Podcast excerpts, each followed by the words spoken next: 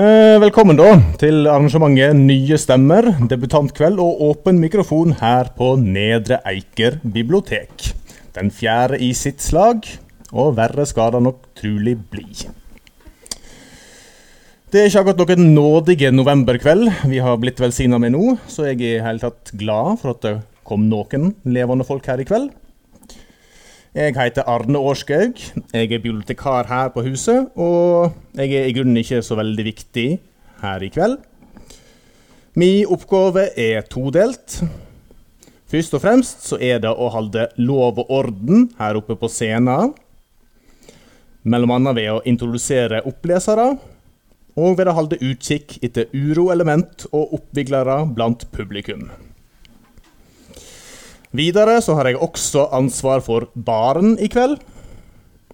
Så ja, kanskje jeg er litt viktig likevel.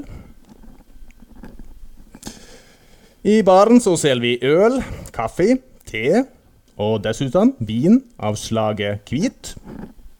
Rødvin har vi ikke å tilby i kveld. Den har vi drukket opp. Eh, vi får tro vi har en kjekk i kveld framfor oss. Eh, vi skal straks få lov til å få høre opplesninger da, fra tre av årets bokdebutanter. Tre ganske ulike stemmer, som vi her på biblioteket håper vi kan få høre mer av eh, i åra som kommer. De heter så mye som Lina Marie Ulvestad Halsås, Petter Brevik og Åsmund H. Eikenes. Jeg skal presentere dem én og én, og fortelle hvem de er, slik at dere slipper å bli forvirra for hvem som er hvem. Etter de er ferdige, så blir det et musikalsk innslag. Da får vi høre Continental Fruit, eller Jon Øyvind Lærum, som han egentlig heter. Og etter det så er det klart for åpen mikrofon. Det vil si fri tilgang her oppe på scenen til alt dere har lyst til å lese opp eller vise fram eller remje av dere. Vi har en del påmeldt allerede, men det er plass til flere på lista. De har rikelig med tid. Eh, jeg er straks ferdig med å prate her oppe, eh, så da skal vi få høre litt opplesninger. I år skal vi gjøre en liten vri. Eh, vi skal tjuvstarte åpen mikrofon. En av deltakerne, Per Larsson, skal få lov til å åpne hele kvelden.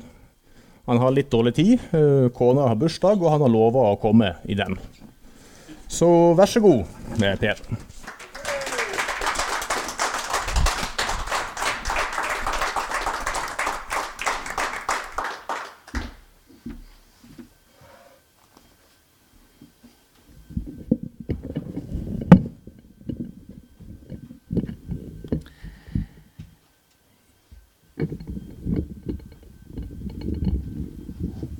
Ikke all verdens teknisk sans.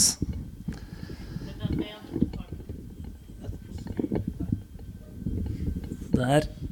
Jeg lagde en gang et dikt om, eh, som gikk sånn at eh, det er en salig lidelse å skulle skifte dekk når man har ingen praktisk sans og heller ikke jekk.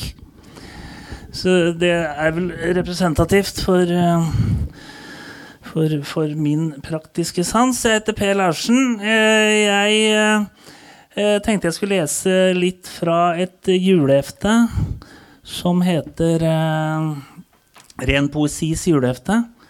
Og det er eh, et eh, hefte som eh, Et skråblikk på jula. Altså de som ikke syns at jula kanskje eh, går på skinner. Eh, og det er da en del som da har skrevet er forfattere i dette heftet. Og jeg har et dikt her som jeg tenkte jeg skulle lese, som heter eh, 'Romjul'. En skulle ha vært 40 år i romjul og kjent ei dame som var 35. En skulle invitert henne ned på Leon og siden prøvd å få henne med seg hjem. En skulle kanskje snakka litt om varme og ikke stilna av om hun sa nei men heller tenkt at skjebnen er vilkårlig, og denne gangen var det sånn det blei. En skulle ha vært 40 år i romjul og ikke sørpe dritings i Bombay. En skulle ha vært 40 år i romjul, men det var bare ikke sånn det blei.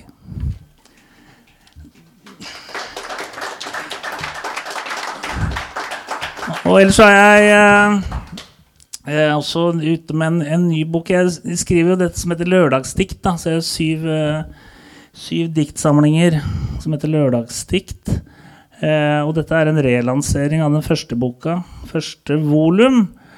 Eh, og alle fargene er brukt opp, så denne har blitt lagd i Jotun brun jord. Og det håper jeg blir et godt salgs at folk kjøper den for å tenke at uh, den fargen vil jeg ha på veggen. Uh, så uh, det har jeg litt trua på, da. skal lese en par derfra. som blant annet så hadde jeg en som Av de diktene jeg skrev, så var det en som heter 'Heldig er den i livet'. Og det handler om at det å gå på bibliotek da, kan være bra for sjelen. Så jeg har gjort det mye. Og det kan være istedenfor å gå til psykolog også, så er det den roen og, som er på bibliotek. Da. Så den er en som heter 'Heldig er den i livet'. Heldig er den i livet som finner en bibliotekar. Et liv i regulativet for kjærlighetsreservoar. Heldig er den i livet som finner en bibliotekar. Så yndig som strå i sivet, så ryddig, så rolig, så rar. Og la deg ikke forlede om hun virker stille og var. Det er fullt av impulsiv glede i en helt vanlig bibliotekar. Heldig er den i livet som finner en bibliotekar.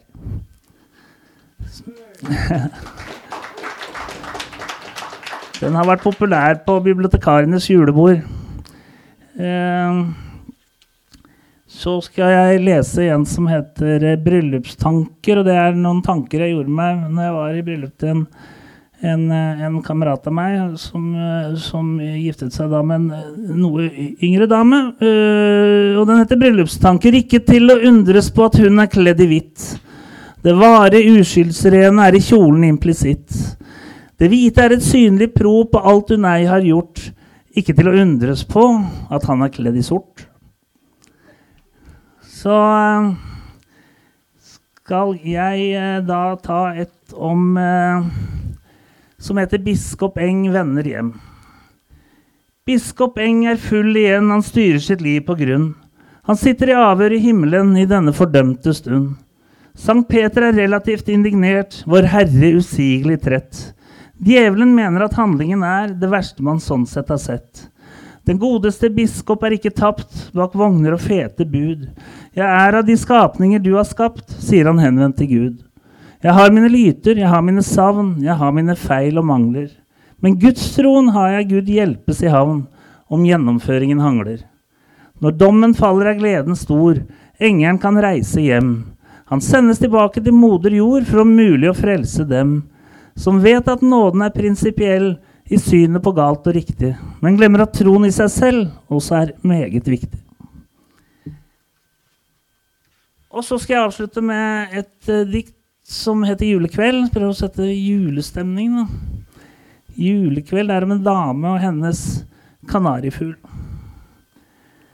Stjernen glitrer på himmelhvelv, hun dekker bordet til seg selv og sin kanarifugl, for nå er det jul.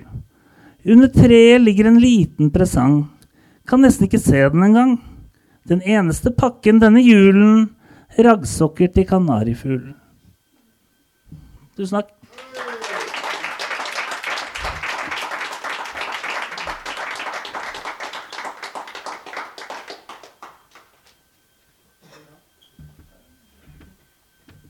Ja. Ja. Ja. Tusen takk for det, Per. Uh, unnskyld for at jeg uh, uttalte etternavnet ditt feil. Det er egentlig ganske godt gjort å uttale etternavnet Larsen feil.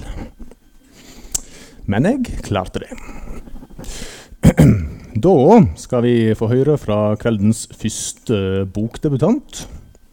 Hun heter så mye som Lina Marie Ulvestad Halsås. Hun er født på Eide, men bor nå i Oslo, og har dessuten bodd i Drammen, for de som har interesse for slikt. Uh, hun har bachelorgrad i nordisk språk og litteratur ved Universitetet i Oslo, og er tidligere student ved forfatterstudiet i Bø og Universitetet i Tromsø. I et intervju som jeg las på Værsveven, sto det at hun som barn hadde lyst til å bli ridende privatdetektiv og forfatter. hun har klart det siste, men jeg vet ikke hvordan det går med førstnevnte. Uh, hun debuterte tidligere i år med romanen 'Randhav'. Jeg skal nå kjapt lese opp eh, Biblioteksentralen sin skildring av denne boka. Ei ung kvinne ja, skal vi se. Jeg tar det på bokmål, jeg. En ung kvinne, Evy, reiser tilbake til øya hun kommer fra. Som naturkonsulent har hun fått i oppdrag å sondere tomten der kommunen planlegger et nytt museum. Mens hun bor hjemme i morens hus, flommer gamle minner tilbake om brorens død. Å savne og å huske er mentale bevegelser, og de kan settes i gang av den sanselige verden. Et rom, et klesplagg, tegneserien Watchmen, eller en bil som lenge har stått parkert på samme sted. Gjennom Evis assosierende tankestrøm følger leseren bevegelsene hun foretar seg på øya mot en ny innsikt. Vær så god, eh, Lina Marie.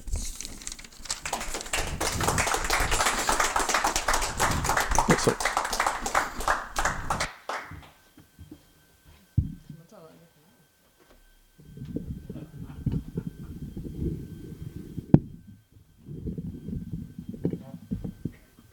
Sånn. Hei. Eh, jeg fikk så skryt i stad for at eh, jeg har skrevet opp hvor mange minutter det tar å lese tekstene i Velgmud. Men eh, nå skal jeg lese en jeg ikke har lest før, så jeg vet ikke hvor lang tid det tar. Jeg anslår fem til seks minutter.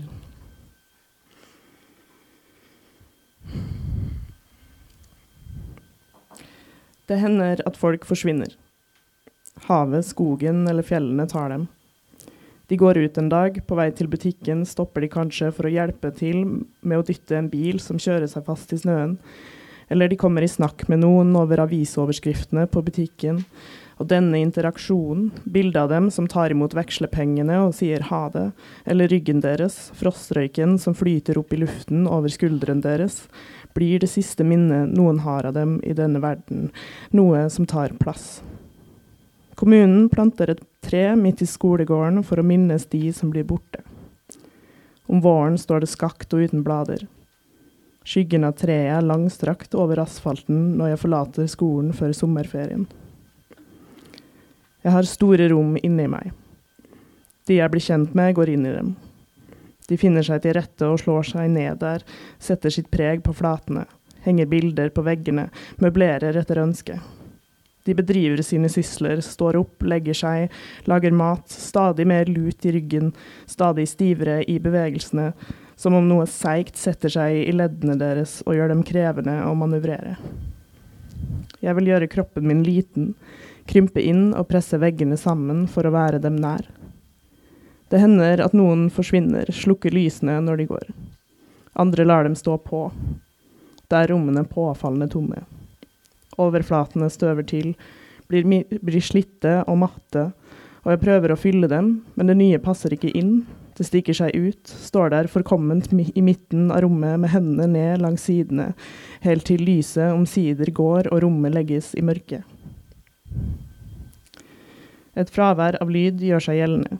Brors skritt i trappen, bevegelsene mine på rommet, Fingrene hans over huden når han klør seg, lyden av papir gjennom lytt, en lyttdør, knirke i sengeplankene når han legger seg, det siste dype åndedraget før han legger seg til for å sove om kvelden.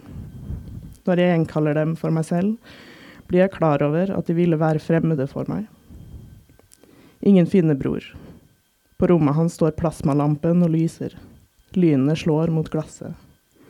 Den sorte kula gløder. Boltene slår og slår mot glasset, slår og bryter seg igjennom, strekker seg ut, sprer seg i huset sammen med mørket, siver inn fra hjørnene og smører seg utover veggene i stuen. Det går inflasjon i døgnets timer. Jeg ser for meg min egen skikkelse i vinduet sett fra veien. Jeg prøver å lytte til lydene jeg lager, som om de skapes av noen andre. Jeg innbiller meg at jeg beveger meg stille gjennom rommene. Slik kan jeg opprettholde forestillingen om å være usynlig. Noen ganger kan jeg ikke forstå at noe annet er sant. Mor møter ikke blikket mitt, hun dulter ikke borti meg om vi passerer hverandre i rommene. Brors ting skifter verdi, jeg låner dem, de er mine, jeg tar over hans sfære. Jeg vokser, har lange bein, lange armer. Huden holder ikke tritt, den strekker seg, sprekker opp i blå striper over hoftene, i knehasene, på lårene, rundt brystene, merkene blekner, jeg glemmer dem, kommer på dem når jeg stryker hånden over magen, når andre stryker over dem, sier de kjennes som små forgreininger i huden, myke kløfter, skuringsstriper. Noen ganger skjer det ting jeg har lyst til å fortelle ham. Jeg går i tiende. En fredag kommer Silje og Ellen bort til meg i friminuttet og spør om jeg vil være med på fest. Jeg sier ja. Jeg får tre flasker øl av mor, jeg sier at jeg blir over natten og går over broen, inn til huset i skogkanten hvor Silje kommer, hvor Silje bor sammen med faren sin og er alene hjemme for første gang. Jeg drikker, flaskene blir tunge. Tomme. Den siste tar jeg med meg inn på badet og fyller med vann, går ut igjen til de andre der de sitter på verandaen. Jeg drikker, flasken er tom. Silje spør om jeg er tom. Hun har mer, jeg takker ja til en ny øl fra Silje. Silje vrir på lighterhjulet. Den slår gnister, jeg kjenner dem i blodet, at de prikker, stikker mens de farer gjennom årene i armene, en slags kløe, den flammer opp. Hun får fyr. Silje spør om jeg røyker. Hun tar sigaretten ut fra mellom de tykke leppene og rekker den til meg, tenner en ny til seg selv. Jeg trekker ned, jeg røyker, jeg blir svimmel, kjenner svimmelheten som en kulde som renner nedover nakken og ryggen. Sola står så vidt ned, jeg går så vidt ned i havet fra mai og til langt ut i august. Den ligger bak horisonten og venter. Jeg vil ikke sove hos Silje, jeg vil hjem. Jeg går langs veien, det kjører ingen biler forbi. Mor lukker dørene til huset. Jeg går rundt huset og ser etter et åpent vindu. Det som leder inn til bror, står på gløtt. Mor vasker rommet, rommet jevnlig, rydder, ser, ser gjennom sakene hans. Hun lar det ikke stå urørt. Jeg finner en liten grein, den er buet. Bror skjærer et spor rundt greinen i hver ende, legger en hyssing i sporet og knyter, bøyer greinen, strammer til, strammer hardt, knyter hyssingen i den andre enden og holder den opp foran seg, later som han trekker en pil, spenner buen, sikter på meg, slipper. Jeg stikker greinen inn gjennom det åpne vinduet, presser den mot sikringen, får løsnet den, vinduet glir opp. Jeg lener meg over karmen, river ned et syltetøyglass med pensler som står i vinduskarmen, sparker til det med føttene idet jeg svinger dem inn, det faller ned på gulvet uten å knuse, ruller inn under senga. Jeg orker ikke plukke det opp, er for full, lukker vinduet bak meg og går inn på rommet mitt, kler av meg, kryper inn under dyna. Jeg hører fottrinn i trappen. Det må være mor. Sakte går skrittene bortover gangen mot brors rom. Døren åpnes, jeg hører skrittene gjennom veggen, knirkende over plankene på rommet til bror. Skrittene lyder ute i gangen, døra lukkes, skrittene kommer bortover gangen. Jeg legger armen over munnen, vil ikke at hun skal høre meg, komme inn, vite at det bare er meg. Jeg forestiller meg at jeg på et eller annet vis omkommer på vei hjem, og at de videre handlingene jeg foretar meg, gangen over broen, lysene jeg ser fra vinduene i de omkringliggende husene, glasset som faller i gulvet og ruller bortover plankene, bare er forestillinger fra de siste sekundene før jeg mister bevisstheten. Det er sommer, det er høst, det er vinter, det er vår, en kraftig vind feller det store furutreet i hagen. Jeg stopper og ser på det på vei for å hente posten. Halvannen meter oppe på stammen er treet som revet av, flisene står opp i luften, spisse og hvite. Resten av treet ligger langstrakt over plenen. Jeg henter posten, går bort til kronen, plukker en kongle fra en av greinene. Den er lukket og full av frø. Jeg går inn og legger posten på kjøkkenbordet, går opp på loftet og banker på døra til mors rom. Hun flytter på seg der inne, svarer. Det har falt ned tre i hagen. Jeg holder igjen. Hun åpner døra og ser på meg, nikker en gang før hun går forbi meg, ned trappene og ut i vindfanget hvor hun ser ut gjennom vinduet.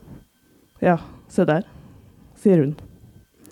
Hun tar på seg jakka og skoene, går ut. Døra slår hardt igjen.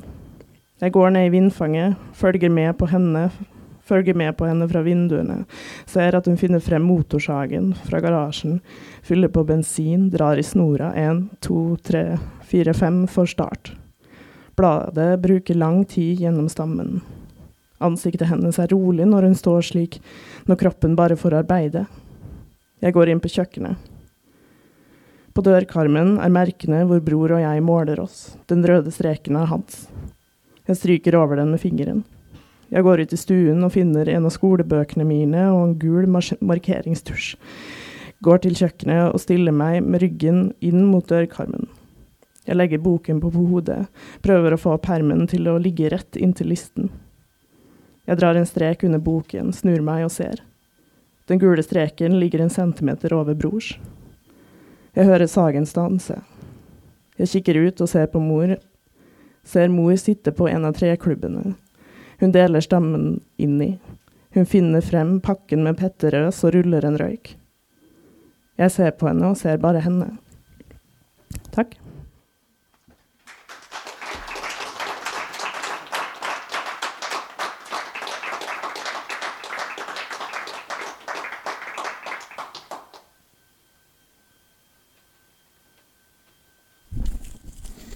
Tusen takk for det.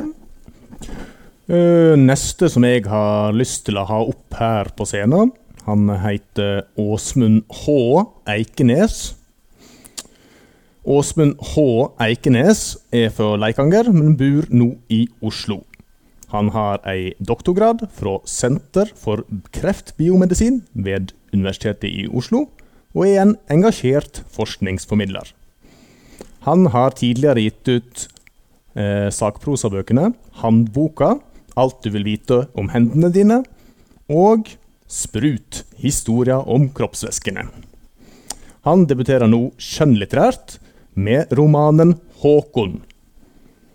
Jeg har da drevet ganske heftig research på Åsmund H. Eikenes de siste dagene, og kommet fram til at H-en i Åsmund H. Eikenes ikke står for Håkon. Biblioteksentralen har følgende å si om boka hans. Håkon handler om Håkon, som har tre menn i livet sitt. Forholdet til Arve har vart lenge, det er trygt og kjent, men Arve blir stadig mer dominerende. Stig er trygg på seg sjøl og har plass til Håkon i framtidsdrømmene om rekkehus og A4-liv. Medan Thomas med de svarte kryllene har et smil som gjør at Håkon mister pusten når de møtes for tilfeldig sex en ettermiddag. Uansett så blir ikke resten av året slik som Håkon hadde tenkt. Håkon er ei moderne kjærlighetshistorie, ei skildring av å være voksen og å ikke ha funnet plassen i livet, korkje aleine eller sammen med andre. Vær så god, Åsmund.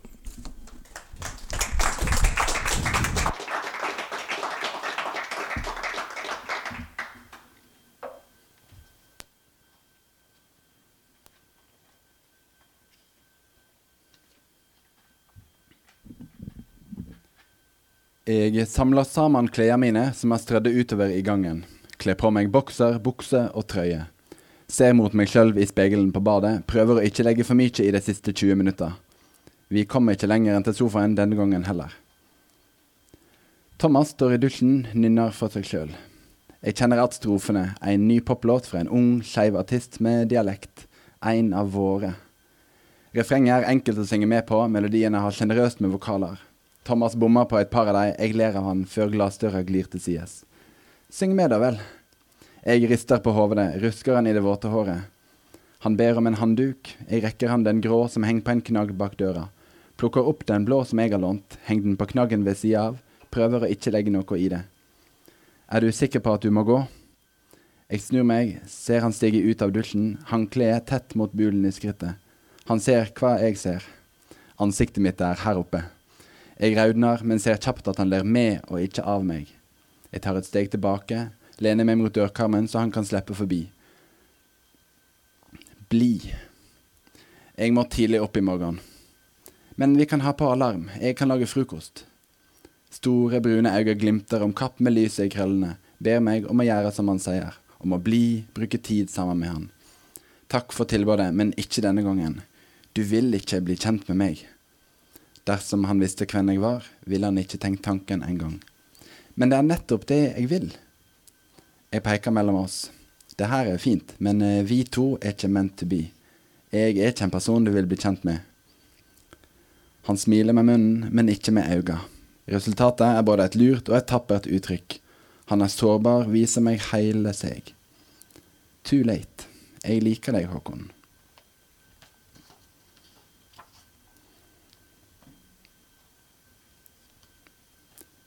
Jeg søkker lenger ned i sofaen. Framfor meg danser Roar og Stig til hektiske rytmer fra stereoanlegget.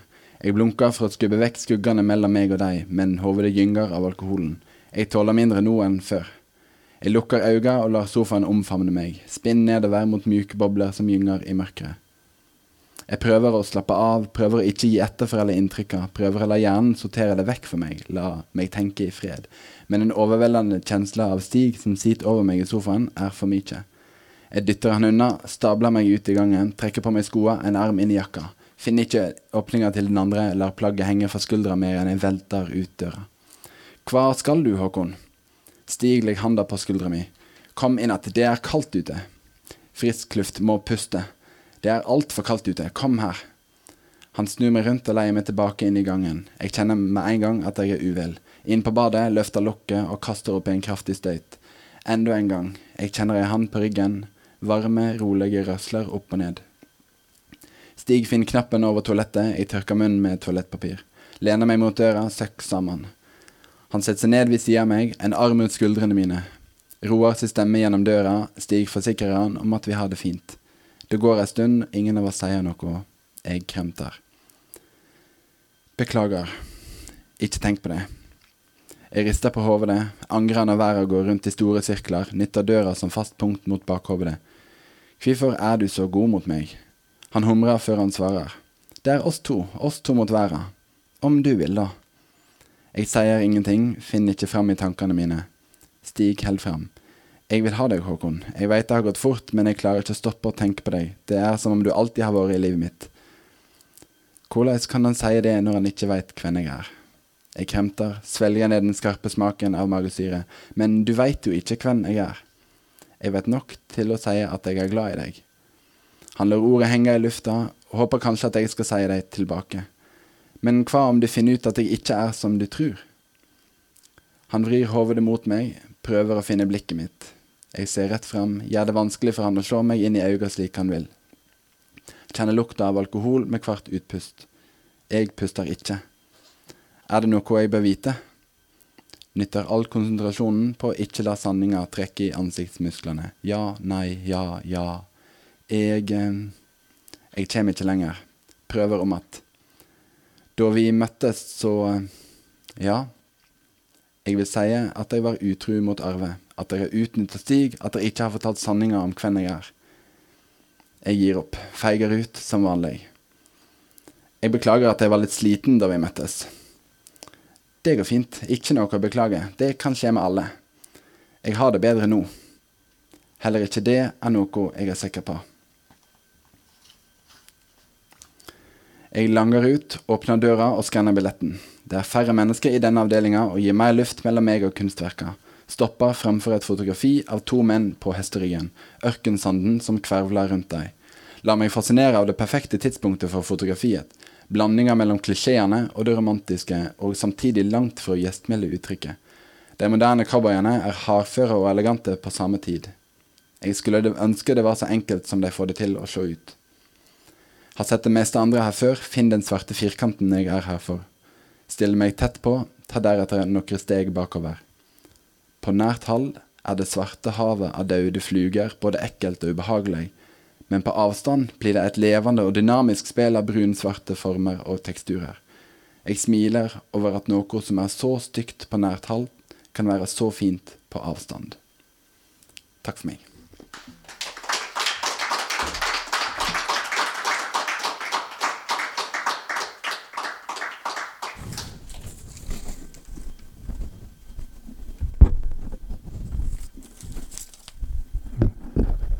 Ja, takk for det. Da skal vi ha siste debutant eh, på scenen. Det er da eh, Petter eh, Brevik. Um, forlaget ditt er litt sånn gnetne på detaljer om deg, men jeg har forstått det slik at du er født i Lillehammer og bor nå i Oslo. Uh, og jeg overhørte nettopp at du òg studerer til psykolog. Ehm, ja, i et intervju som jeg da las på Værsveven, så eh, sa Petter at han stort sett alltid helst skulle ønske at han var en annen stad. Men at han likevel var fornøyd, og at han var, hadde det fint der han var. Jeg håper dette gjelder for Mjøndalen òg. Uansett, Petter har gitt ut sin første bok. Den heter Over veien. Og en roman. Eh, Biblioteksentralen har følgende å si om den boka. Overveien er en roman i tre deler. Bokas forteller og hovedperson, en ressurssterk ung mann fra Oslo vest, blir ved fortellingens start diagnostisert med en alvorlig genetisk sykdom, og prøver i møte med familie og venner nokså halvhjertet å rømme fra sin tilstand. Underveis så blir han gjenfortalt faren sin historie, en mann han ikke kjente, og som han har arva sykdommen fra. Romanen er ei dødsreise, ei ventetid i Kjærskilden, og fortellerens språk er nøktern og industrielt, strippa for berikende adjektiv. Vær så god, Petter.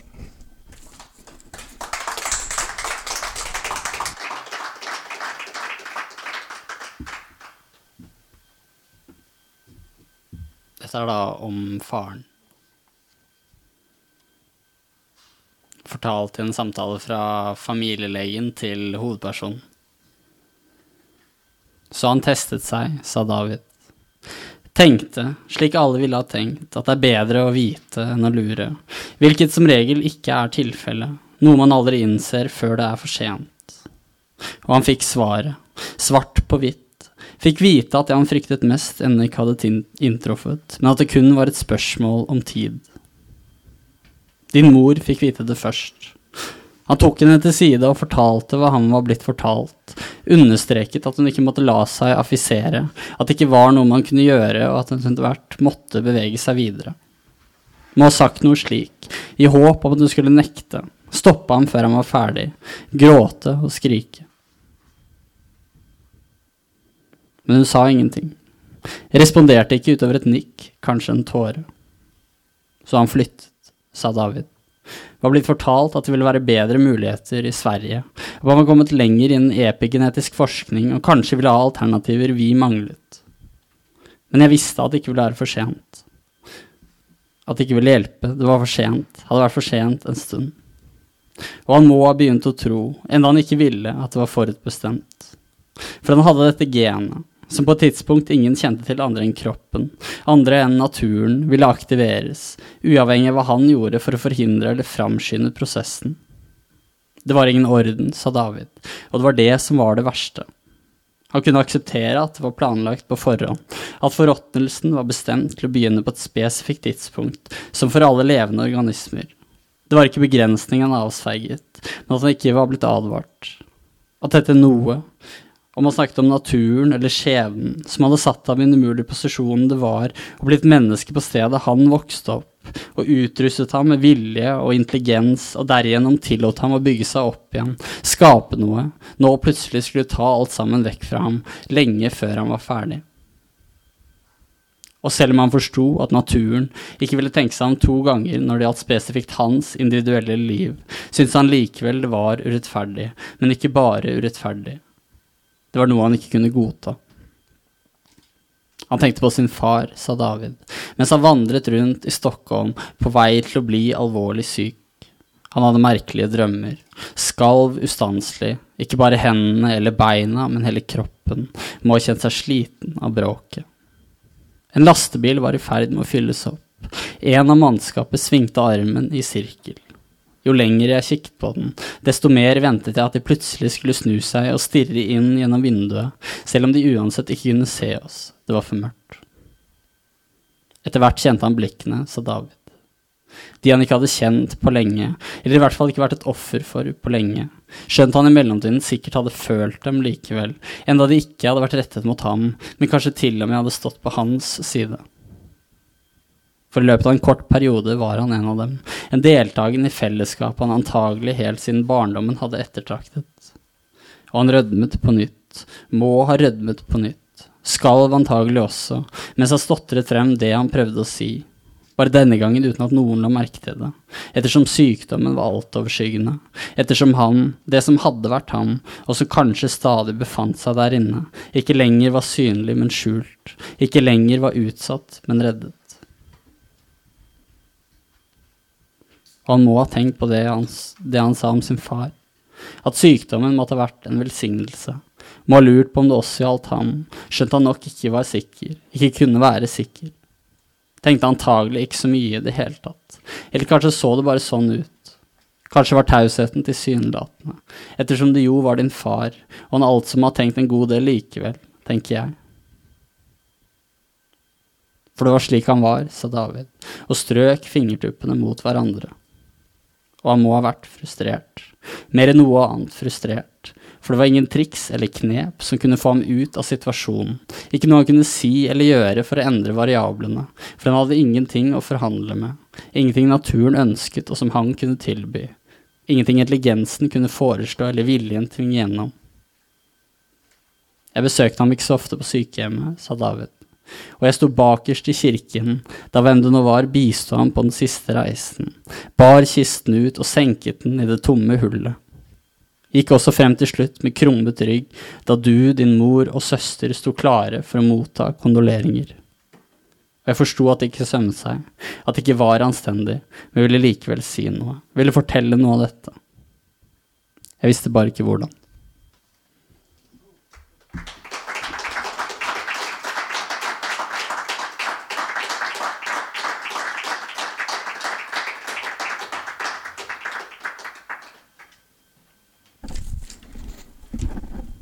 Ja, takk for det. Det var de tre bokdebutantene vi hadde her i kveld. Bøkene deres står her. De kan lånes ut om noen vil ha dem med seg hjem. Eh, nå skal vi ha et musikalsk innslag. Vi skal få lov til å høre Continental Fruit. Continental Fruit bruker elektroniske instrument og effekter i delvis organisert musikk og noe mer improvisert, utflytende stemninger. Han har vært en del av den elektroniske elektro-ambient noise-scenen siden tidlig 90-tall, og har samarbeidet i ulike prosjekt og utgitt materiale bl.a. på CD, vinyl, kassett og floppydisk. Eh, han skal da uh, framføre et sett her for oss uh, i dag, og det blir litt improvisasjon. Uh, annet ved hjelp av noe som han kaller en russisk villstyring.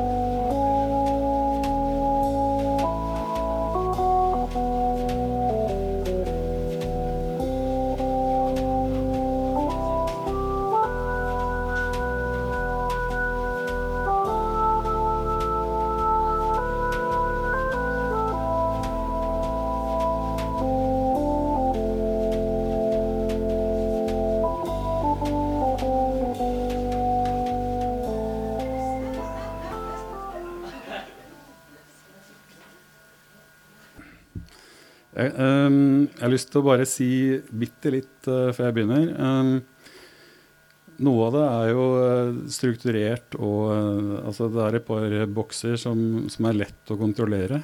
Um, men så er det også en russisk villstyring som ble nevnt. da. Uh, og det er åtte kanaler med elektronisk uh, låt. Som ikke er pitcha, det er ingen tangenter. Um, så det er en øvelse i å um, temme den der russeren. Um, kan godt hende jeg bruker noen minutter på, på å finne, finne et eller annet som funker, men uh, vi får se om jeg får det til. Um, I alle fall så er det også noe strukturert innimellom. Så um, god fornøyelse. Om dere lukker øya eller uh, svaier litt, eller jeg tror ikke det kommer til å være mye dansing her. Så opp til hver enkelt. Gjør sånn som uh, holder dere for øra hvis dere må. Um, ja. Lykke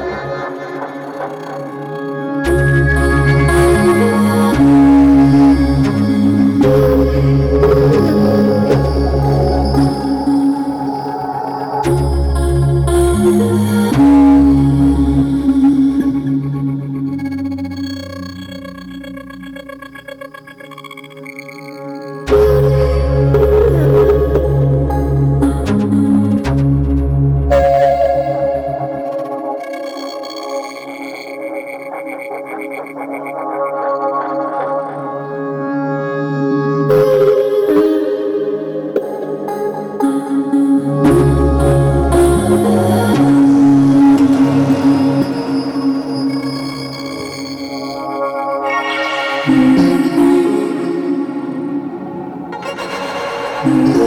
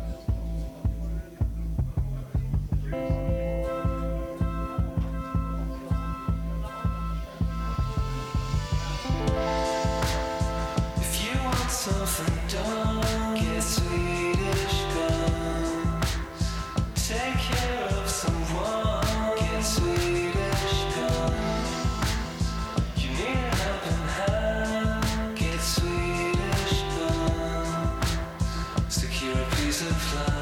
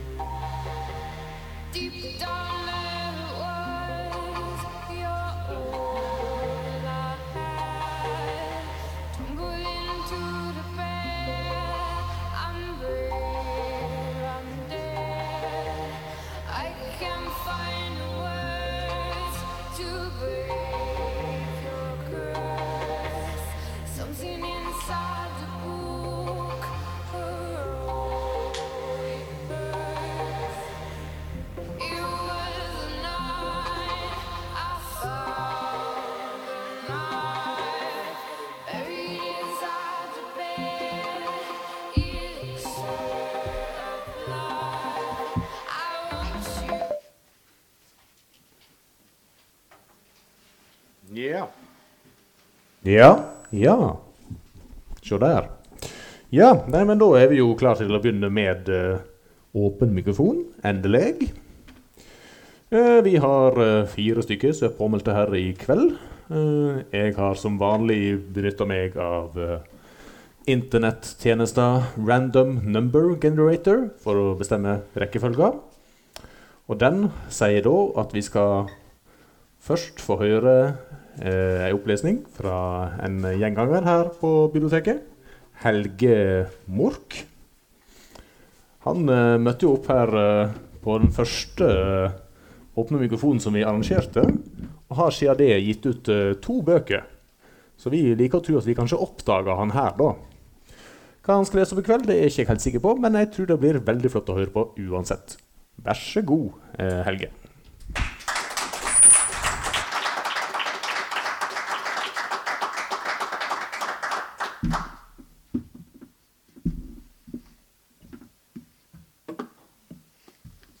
Ja, jeg visste ikke helt hva jeg skulle um, prøve meg på, men det var, var egentlig ikke først og fremst boka. Em, jeg liker alltid å prøve meg litt utafor komfortsonen, så jeg har prøvd å snekre vers. da. Um, så jeg tenkte å begynne med det. En veldig sånn forsiktig, sånn litt eh, nasjon... Er dette? Eh, nasjonalromantisk. Og så hadde jeg tenkt å dra på litt hvis det ikke er sarte sjeler her. Så tenkte jeg å lese bare ei side av den boka som jeg utga nå for 14 dager siden. Hvis det er ok? Det første er noe som heter Jeg er veldig glad i natur, da. På Hårnes skuldre. Jeg rusler langs Hårnes skuldre, her oppe hvor ingen bor. Kun fugler trives livlig på denne sommerstiens mor. Langs stien står en skigard, for lengst forlatt og trist. Jeg savner kuas rauting, og Gud vet når var det sist. Her oppe har tiden stoppet etter omveltningens tid. Her synes bare kornet som gyllent pust i siv. Det skrikes fra urskogens indre, det der knives dyr og fugl. Her har det en gang finnes både gårdsdrift, gris og skjul.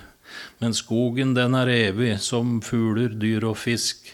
Skal alt dette svinne, da blir det i hvert fall trist. Så det var den ene. Og Og den heter eh, Det er som humleranker råtner. Det er som humleranker råtner, det gjør meg ganske trist. Det er som håpet svinner og engler knappes fins, men fortsatt blåner himmelen og høsten sterk og klar. Med alt det andre stålet gjør sjelen kald og var. Det brygger opp til uvær i verdens vakre rom. Nå skal dyret temmes i mørkets kalde vom. Det ties taust om faren, klima skriker vann. Hele huset gløder, takk Greta skriker brann. Så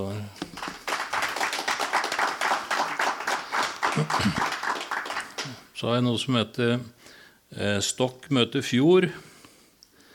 Elva flyter stille, strøm bak brokara gir.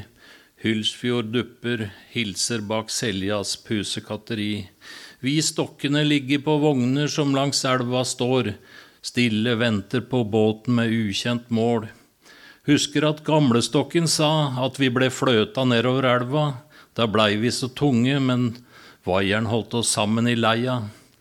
Når havna var nådd, da heiste de krana. Det drypp så vakkert, stokken ut av vannet, vekk fra svana. Snart skal reisen starte på båtens glatte dekk. Her skal jeg grana hvile med etter 50 år i strekk. Mot himlene har vi strekt oss ranke og med flid, nå skal vi males til fibermyalgi. Og jeg grana ligger som kjøtt på slakteri, jeg undrer på dette ut av skogen frieri. Jeg var så lykkelig når bruda sto i var så lykkelig når bjørka sto i skrud, da kunne vi to liksom være brudgom og brud. Se og tell mine årringer som lukter etter slaget, da tre ble til stokk og jeg fra hjembygda jaget. Kvae skal det lukte som svette under armen, når kvae nå lukter, så er det redsel for skammen. Jeg granstokken undrer, skal jeg bli fibermasse? Planke på veggen eller gulvbord, der folk kan tasse? Nei, helst parkett eller pellets, kanskje. Det høres kjipt ut. Bærekraftbalanse.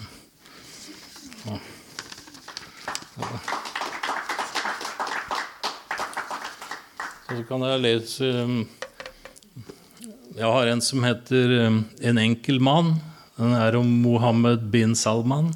Hvis noen vil ha litt mer trøkk her. Men jeg kan eh, lese ei side fra den boka. Den er om Fosna-folket, eldre steinalder. Det er 11 000 år tilbake i tid. Så jeg tenkte bare å lese litt for å fortelle litt om hvordan jeg skriver der, da. Oppe på fjellet.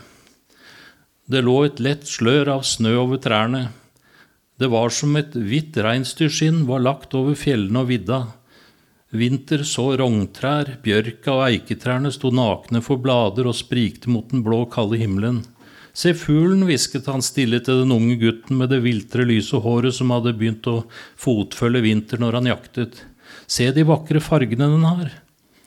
Den har himmelen skyer på hodet, og fargene på nebbet er som maten i skjella nede på stranda. Se ryggen på den, hvisket Vinter andektig mens han tegnet striper i lufta. De er som natta og himmelens farger. Å, svarte lyslugen, som aldri hadde festet seg ved alt det vakre ved fuglen før. Jeg lurer hvordan vi skal fange den, jeg er sulten, sa den unge mannen. Nei, den skal få leve, for den passer oss, og varsler hvis noen ukjente kommer brått på, svarte Vinter og klatret opp det siste bratte kneiken. De snodde seg rundt kampesteinene som ga fine muligheter for boplasser frie for regn under steinhvelvingene. Der nådde de endelig kanten hvor reinen hadde stått og speitet utover dalen i solnedgangen den første kvelden. Vel oppe på platået av de stu- stupbratte fjellene hørte de suset fra dalen. Vinden rusket i de siste bladene som fortsatt klorte seg fast i fjellbjørka. De hørte lyden av fallende vann fra fossene der det kastet seg utfor stupet og ga ytterligere kraft til elva langt der nede. Vinter kunne bare fornemme skvulpet fra bølgene innerst ved stranda, der vannet rislet over steiner og skvulpet når bølgene slo mot svaberget. Takk.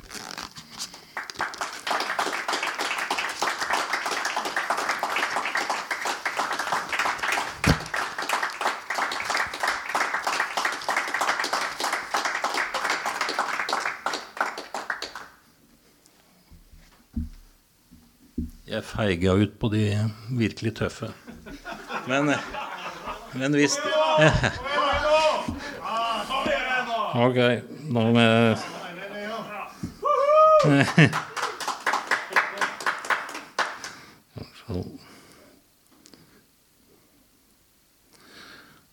Jeg er en som bekymrer meg ganske mye. Jeg tenker mye og, og grubler på ting, da.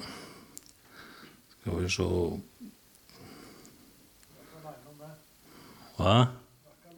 Nei. Så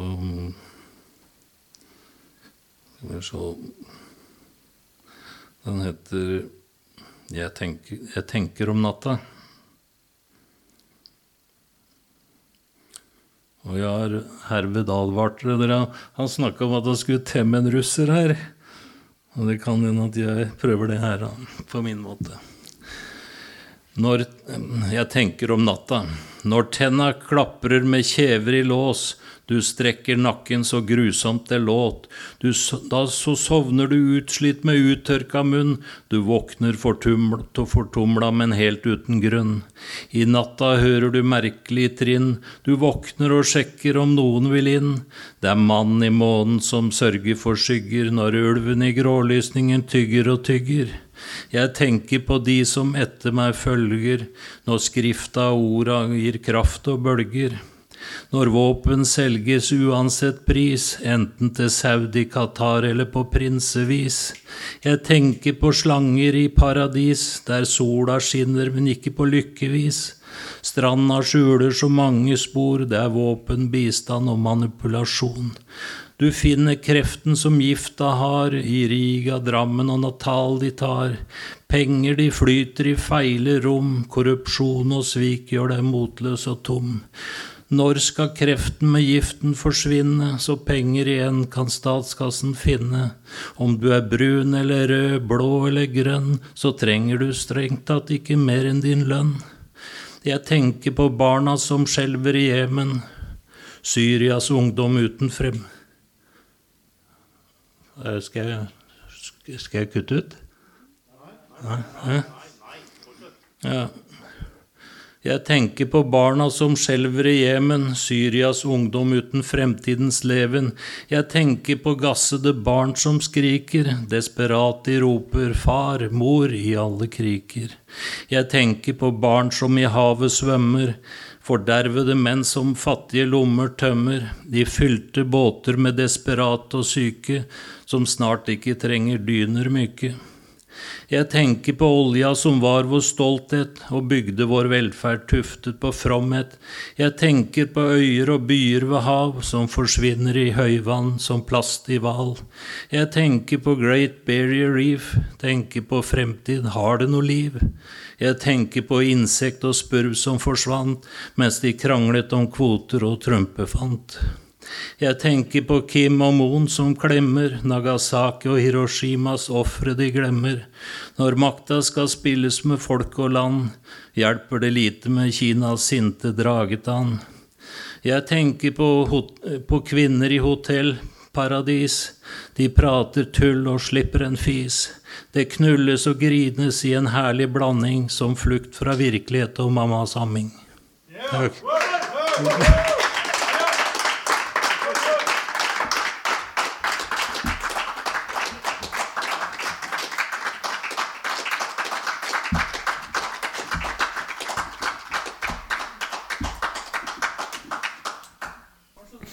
Tusen takk eh, for det, Helge. Det, det er så kjekt med sånne kvelder at han aldri vet helt hva han får, eh, rett og slett. Eh, Neste som jeg har lyst til å ha opp på, scenen her, er òg en, en veteran her på, på åpen mikrofon. Hun heter Anne Kolbjørnsdatter Skåre. Hun skal både lese opp og spille litt for oss, har jeg skjønt, så vær så god.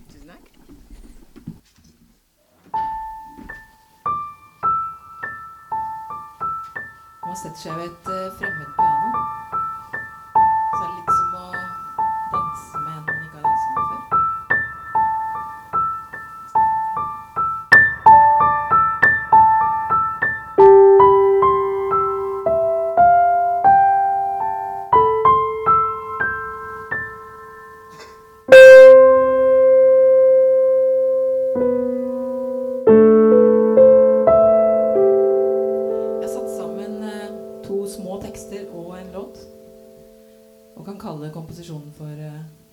Frihet.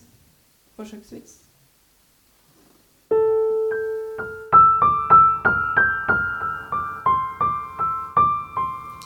Vil være fri. Sveve som en drage. Holdt i en hyssing av en liten gutt som løper. Han løper vidt og bredt, men slipper ikke. Må ikke slippe. Må treffe bakken med fotsålene mine mot gresset.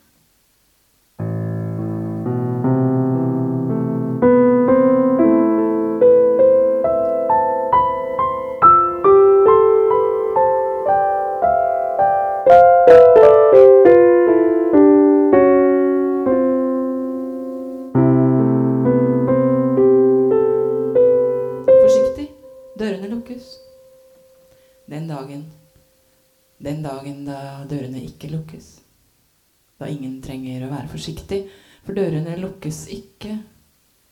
Den dagen du kan gå ut og gå inn og finne skatter.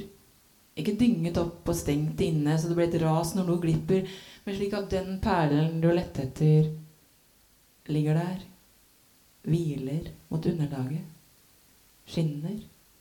Og du løfter den varsomt med tommel og pekefinger, og du har seiret. Helt til noe roper eh, 'forsiktig', og dørene lukkes med et svelg.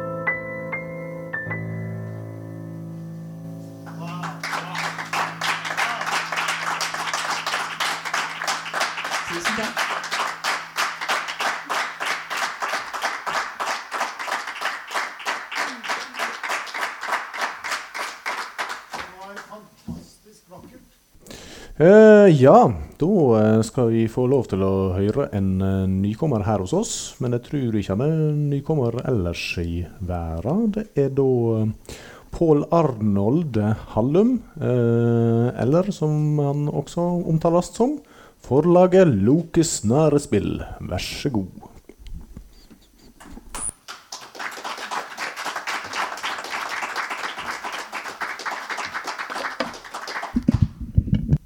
Sorry for bråk. Var veldig skill stemning her. Og det setter jeg veldig pris på. Jeg kom akkurat fra Rekord, da. Før jeg kom hit, altså. Da var det julebordsesong. Det var litt barclinch. Neste, eller det diktet jeg skal lese nå, det heter barclinch og er sånn cirka 90% sant. Jeg drar den spøken til han gjøken som popper opp på min bar. Han er rimelig strøken i tøy og har et skjelmsk glimt i øyet. Spøken. Jeg er ikke gjest, jeg er inventar. Og jeg tenker han ikke skal tro han er noe til kar, selv om han sikkert har alt på stell og ei vakker dame som kunne vært med i en fucking sjamporeklame. Han er en sånn som alle vil ha med på fest eller i middagsselskaper, og betrakter sikkert meg som en taper. Men jeg har sett nok av sånne aper. De står der og gaper med én eller to fingre i været og tror seg så sinnssykt svære uten å være det minste skvære. Jeg lover på tro og ære. Jeg vil bare sitte og være. Ja, helst bare sitte og loke med mitt, pimpe et par pils og bearbeide noe gammal dritt. Men han er en real fittesleiker, en sånn som leiker kongen på haugen. Selv om han sikkert bare er den sauen som fikk ei bjelle klar for å forlede de andre sauene vill i fjellet, mens jeg er en hund. Fortrinnsvis etter øl, som mangler en flokk. Men jeg veit i hvert fall når jeg har fått nok. Men han er pratesjuk. En ordentlig kuk som aldri har opplevd stuk, og høyst sannsynlig lever overforbruk på stell, som sagt. Full av forakt som han blotter i all sin prakt. Hvit makt og mangel på takt og tone. Han går i skoene til en mannssjåvinist. Og syns øyensynligvis det er jævlig trist med hijab og snikislamifisering. Ville antageligvis støtta Anders Behring om det ikke var for ungdommen han skøyt. Det ble selv meg litt for drøyt, kan hvitsmaktsfyren berette. Jeg tenker djuren, duden ikke har skjønt det døyt, vil helst gi fyren to tette og et badehette, får du slette tid. Sånne nidinger gir du ikke grid. Han er den norske mann i hus og hytte, som preiker mer enn han gidder å lytte, med et norsk ideal han helst vil beskytte. Den norske sjela, Askeladden og veslefrikk med fela. Samt rikdommene svartingene vil ha en betydelig andel av. For det er ikke så mye vil det være med, så heng på på den karen som henger stadig fullere mot barn og snøvler mekka midt imot med hjertens lyst, mens øyet hans grafser på hvert kvinnebryst i lokalet. Øy, søta, jeg kan betale for en drink eller fire, jeg bare sier det, du er ei sexy fitte jeg gjerne skulle tatt i skrittet. Å, det er visst julebordsesongen på sitt aller beste. Alle slackerne skal ut og feste, og oppfører seg som svin imot sin neste. I jula vil de gjerne teste grensene i ekteskap og arbeidsprat, mens de propper i seg mat fra fulle fat og tyller i seg akevitt og juleøl. Jeg sitter der og føler meg jævlig døll mens fyren plaprer villig vekk. Stadig mer frekk og innpåsliten full. Øy, søta, vil du ha et knøll? Jeg gidder ikke mer bull og mannssjåvinistisk rasismetull. Fra nok en fyr som kunne hett får Ola Dunk og høyst sannsynlig sender dickpics mens han tar en runk. Så jeg hiver innpå siste fatølslanten og tømmer spander akevitten jeg har fått av han derre mannssjåvinist-dritten før jeg så fant den og fyker kjapt på dør. Det snør, det snør, tiddeli-bom. Det er det det gjør, tiddeli-bom. Nå snør det mye mer enn før, tiddeli-bom. Og hytte meg tu, for en jævla førjulsskrekk og gru. Tusen takk. Orker dere et kjærlighetsdikt òg, eller? Herlig. Det heter om Tåstrøm og en tådrøm. Er det noen som kjenner til Tåstrøm, eller? Herlig. Drammensnatta er i godlune og sommer. Det er kun noen tommer mellom deg og meg.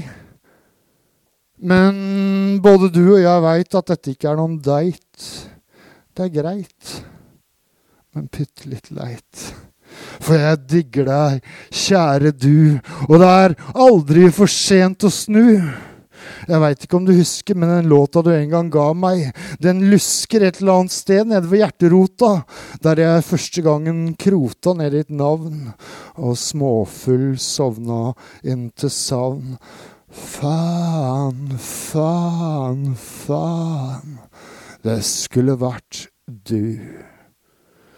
For jeg lengter etter normaliteten og skulle gjerne sovna inn til heten fra din Colgate-pust. To litt slitte sjeler prega av rust og flekka til av livet, som kanskje ikke får det til å suse i syvet, men i en liten ospetresbris. Samstemte på et eller annet vis. Tær mot tær og arrete knær, som er det de er, og forflytter seg klossete i søvnens rike, forskjellige, men allikevel litt like. Noe sånt kunne jeg like. Faen, faen, faen. Det skulle vært du. Og du visste ikke at jeg digga Tåstrøm, at du helt ut av det blå var en drøm. Fra den øverste hylla, som den dyreste ginen, når jeg var blakk etter todagersfylla og jeg godfull og småstein, blei overskylda av lysten til å gi deg noen ord eller synge et gammelt imperierefreng, og hjemveien ga meg deng av melankoli. Jag vill inte krossa holländsk porslin. Og så sitter vi her, da. Du så innfor jævlig fin, og jeg føler meg helt dust. Som lengter etter het Colgate-pust og et helt ordinært liv med rust og gamle flekker. En håndfull mentale knekker. Rekke rekker med andre låter vi kunne delt i sommernattas gåter og gater. Enkelte kvelder hvor ingen av oss prater. Eller at vi bare later som at alt er ok. Nei da, det var ingenting. I got nothing to say. At vi som første kvelden ble helt gærne. Og selvsagt tærne. De arrete knærne. At vi kunne være nær selv når vi var litt sånn fjerne. Noe sånt ville jeg gjerne.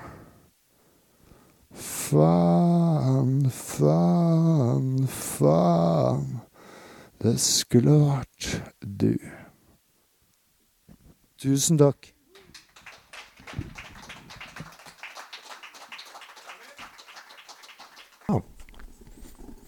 Ja, nei, men eh, ja, jeg er så glad i variasjonen som jeg skjer her på scenen. Um, vi har um, en eh, siste deltaker nå i kveld, um, og en eh, nykommer på scenen vår. Uh, gleder meg veldig til å høre det. Det er Kristin Holler Sørhus. Hun eh, kommer fra Asker, og sånn som jeg har forstått det, skal hun lese opp noen eh, dikt eh, for oss. Eh, vær så god, Kristin.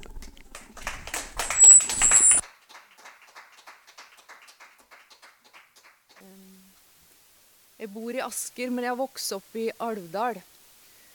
Og dialekta der er litt sånn Istedenfor stein, så sier vi sten. Så jeg I 2000 gikk jeg på et kurs som Stein Versto holdt. Et skriveverksted. Og han eh, foreslo at vi skulle prøve oss på haiku-dikt. Som var helt fremmed for meg. Men eh, de første jeg da kom opp med, var Tanken full av tanker. Knaggrekka knakk.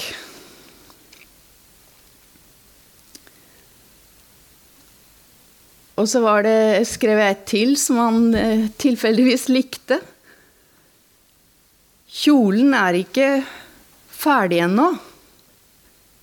I morgen vil jeg danse.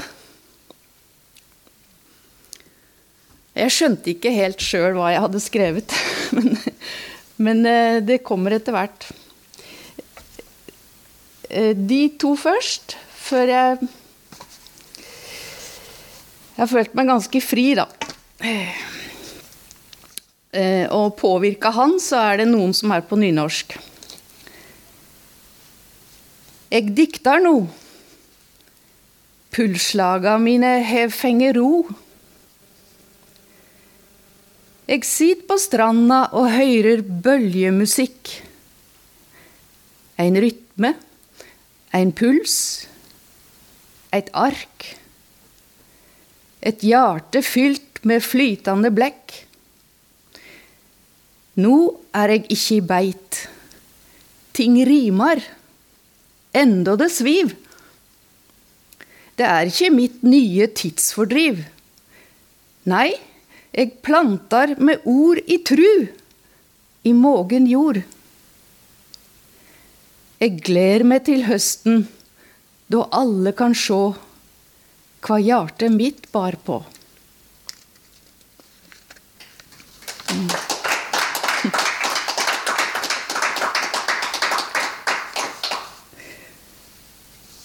Så er det et, et om far og meg, på en måte. Finn deg fire pinner, sa far, ca. én meter lange. Legg de i en firkant på skogbunnen her. Jeg undra meg. Hva slags lek ble det nå? Sett deg på kne og let til du finner én av hver del i ruta di. Han ga meg et hvitt ark til å legge det på. Jeg plukka, jeg så. 22 ulike gjenstander.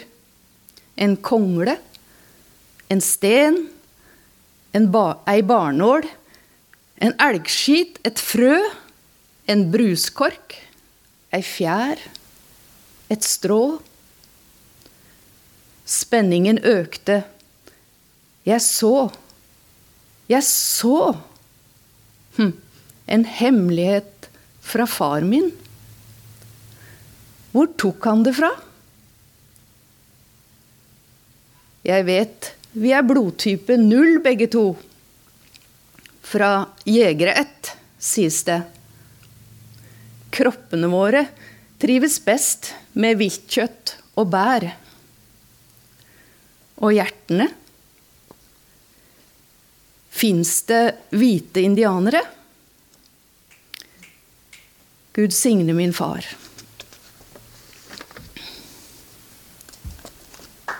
Ja.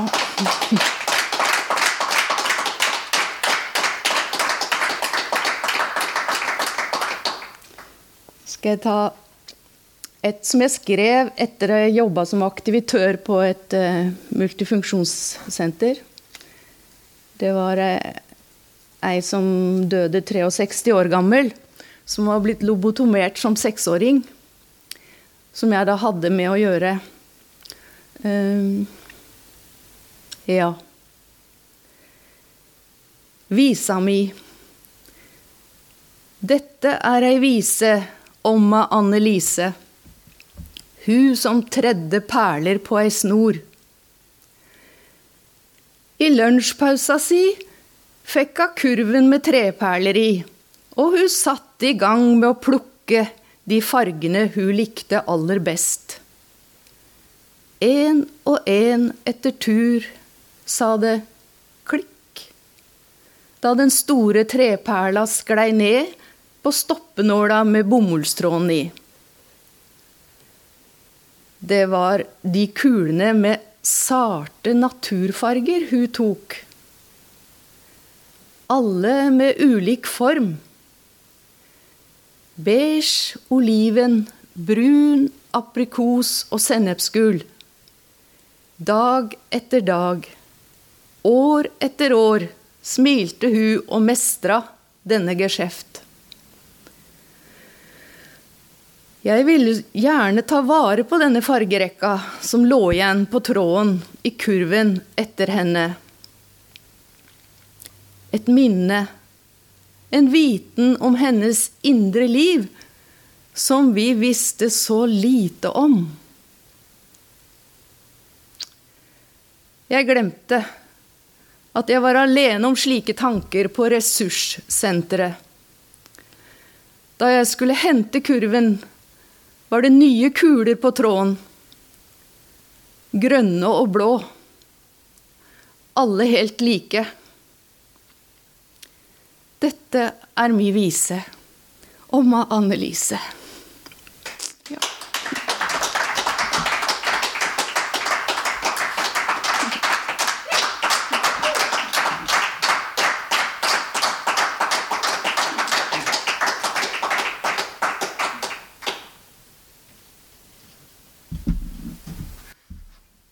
Ja.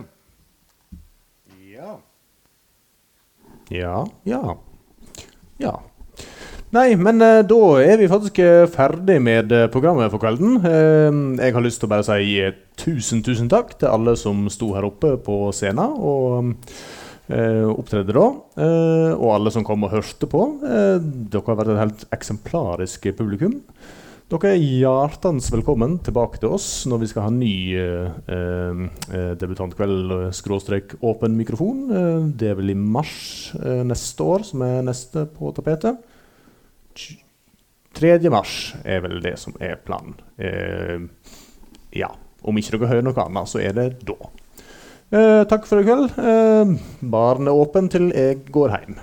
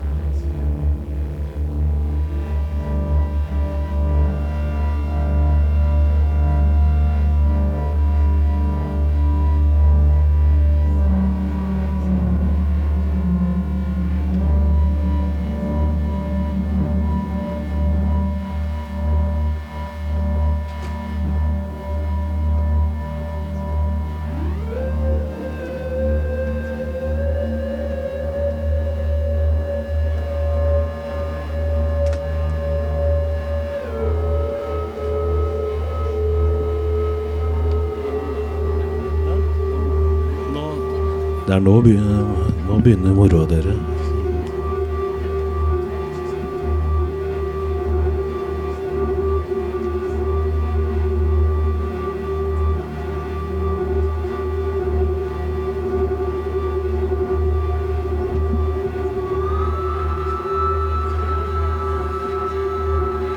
Hva betyr det at jeg samler sammen og kvesser alle disse knivene?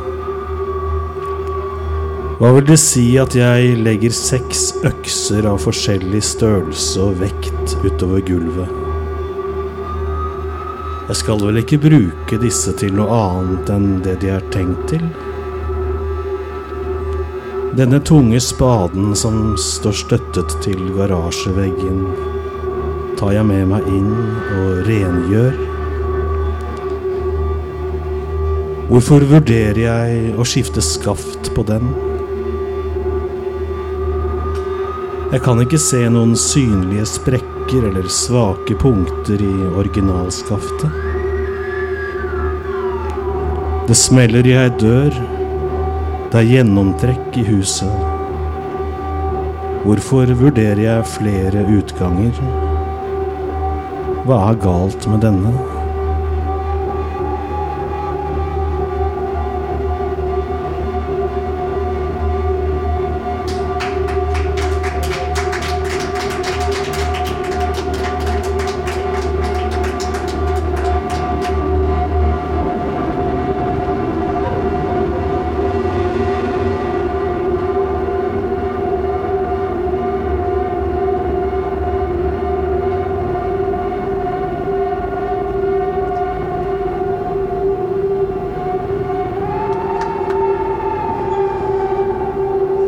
Er så mye som kommer drivende ned denne elva. Det samler seg opp i bakevja her, hvor jeg tilfeldigvis bor. Halvfulle dunker med sprit, pakker med dop, punkterte, falma badedyr, bunter med blader og bøker, ukorrekte ideer sakte prat og timer helt uten prat.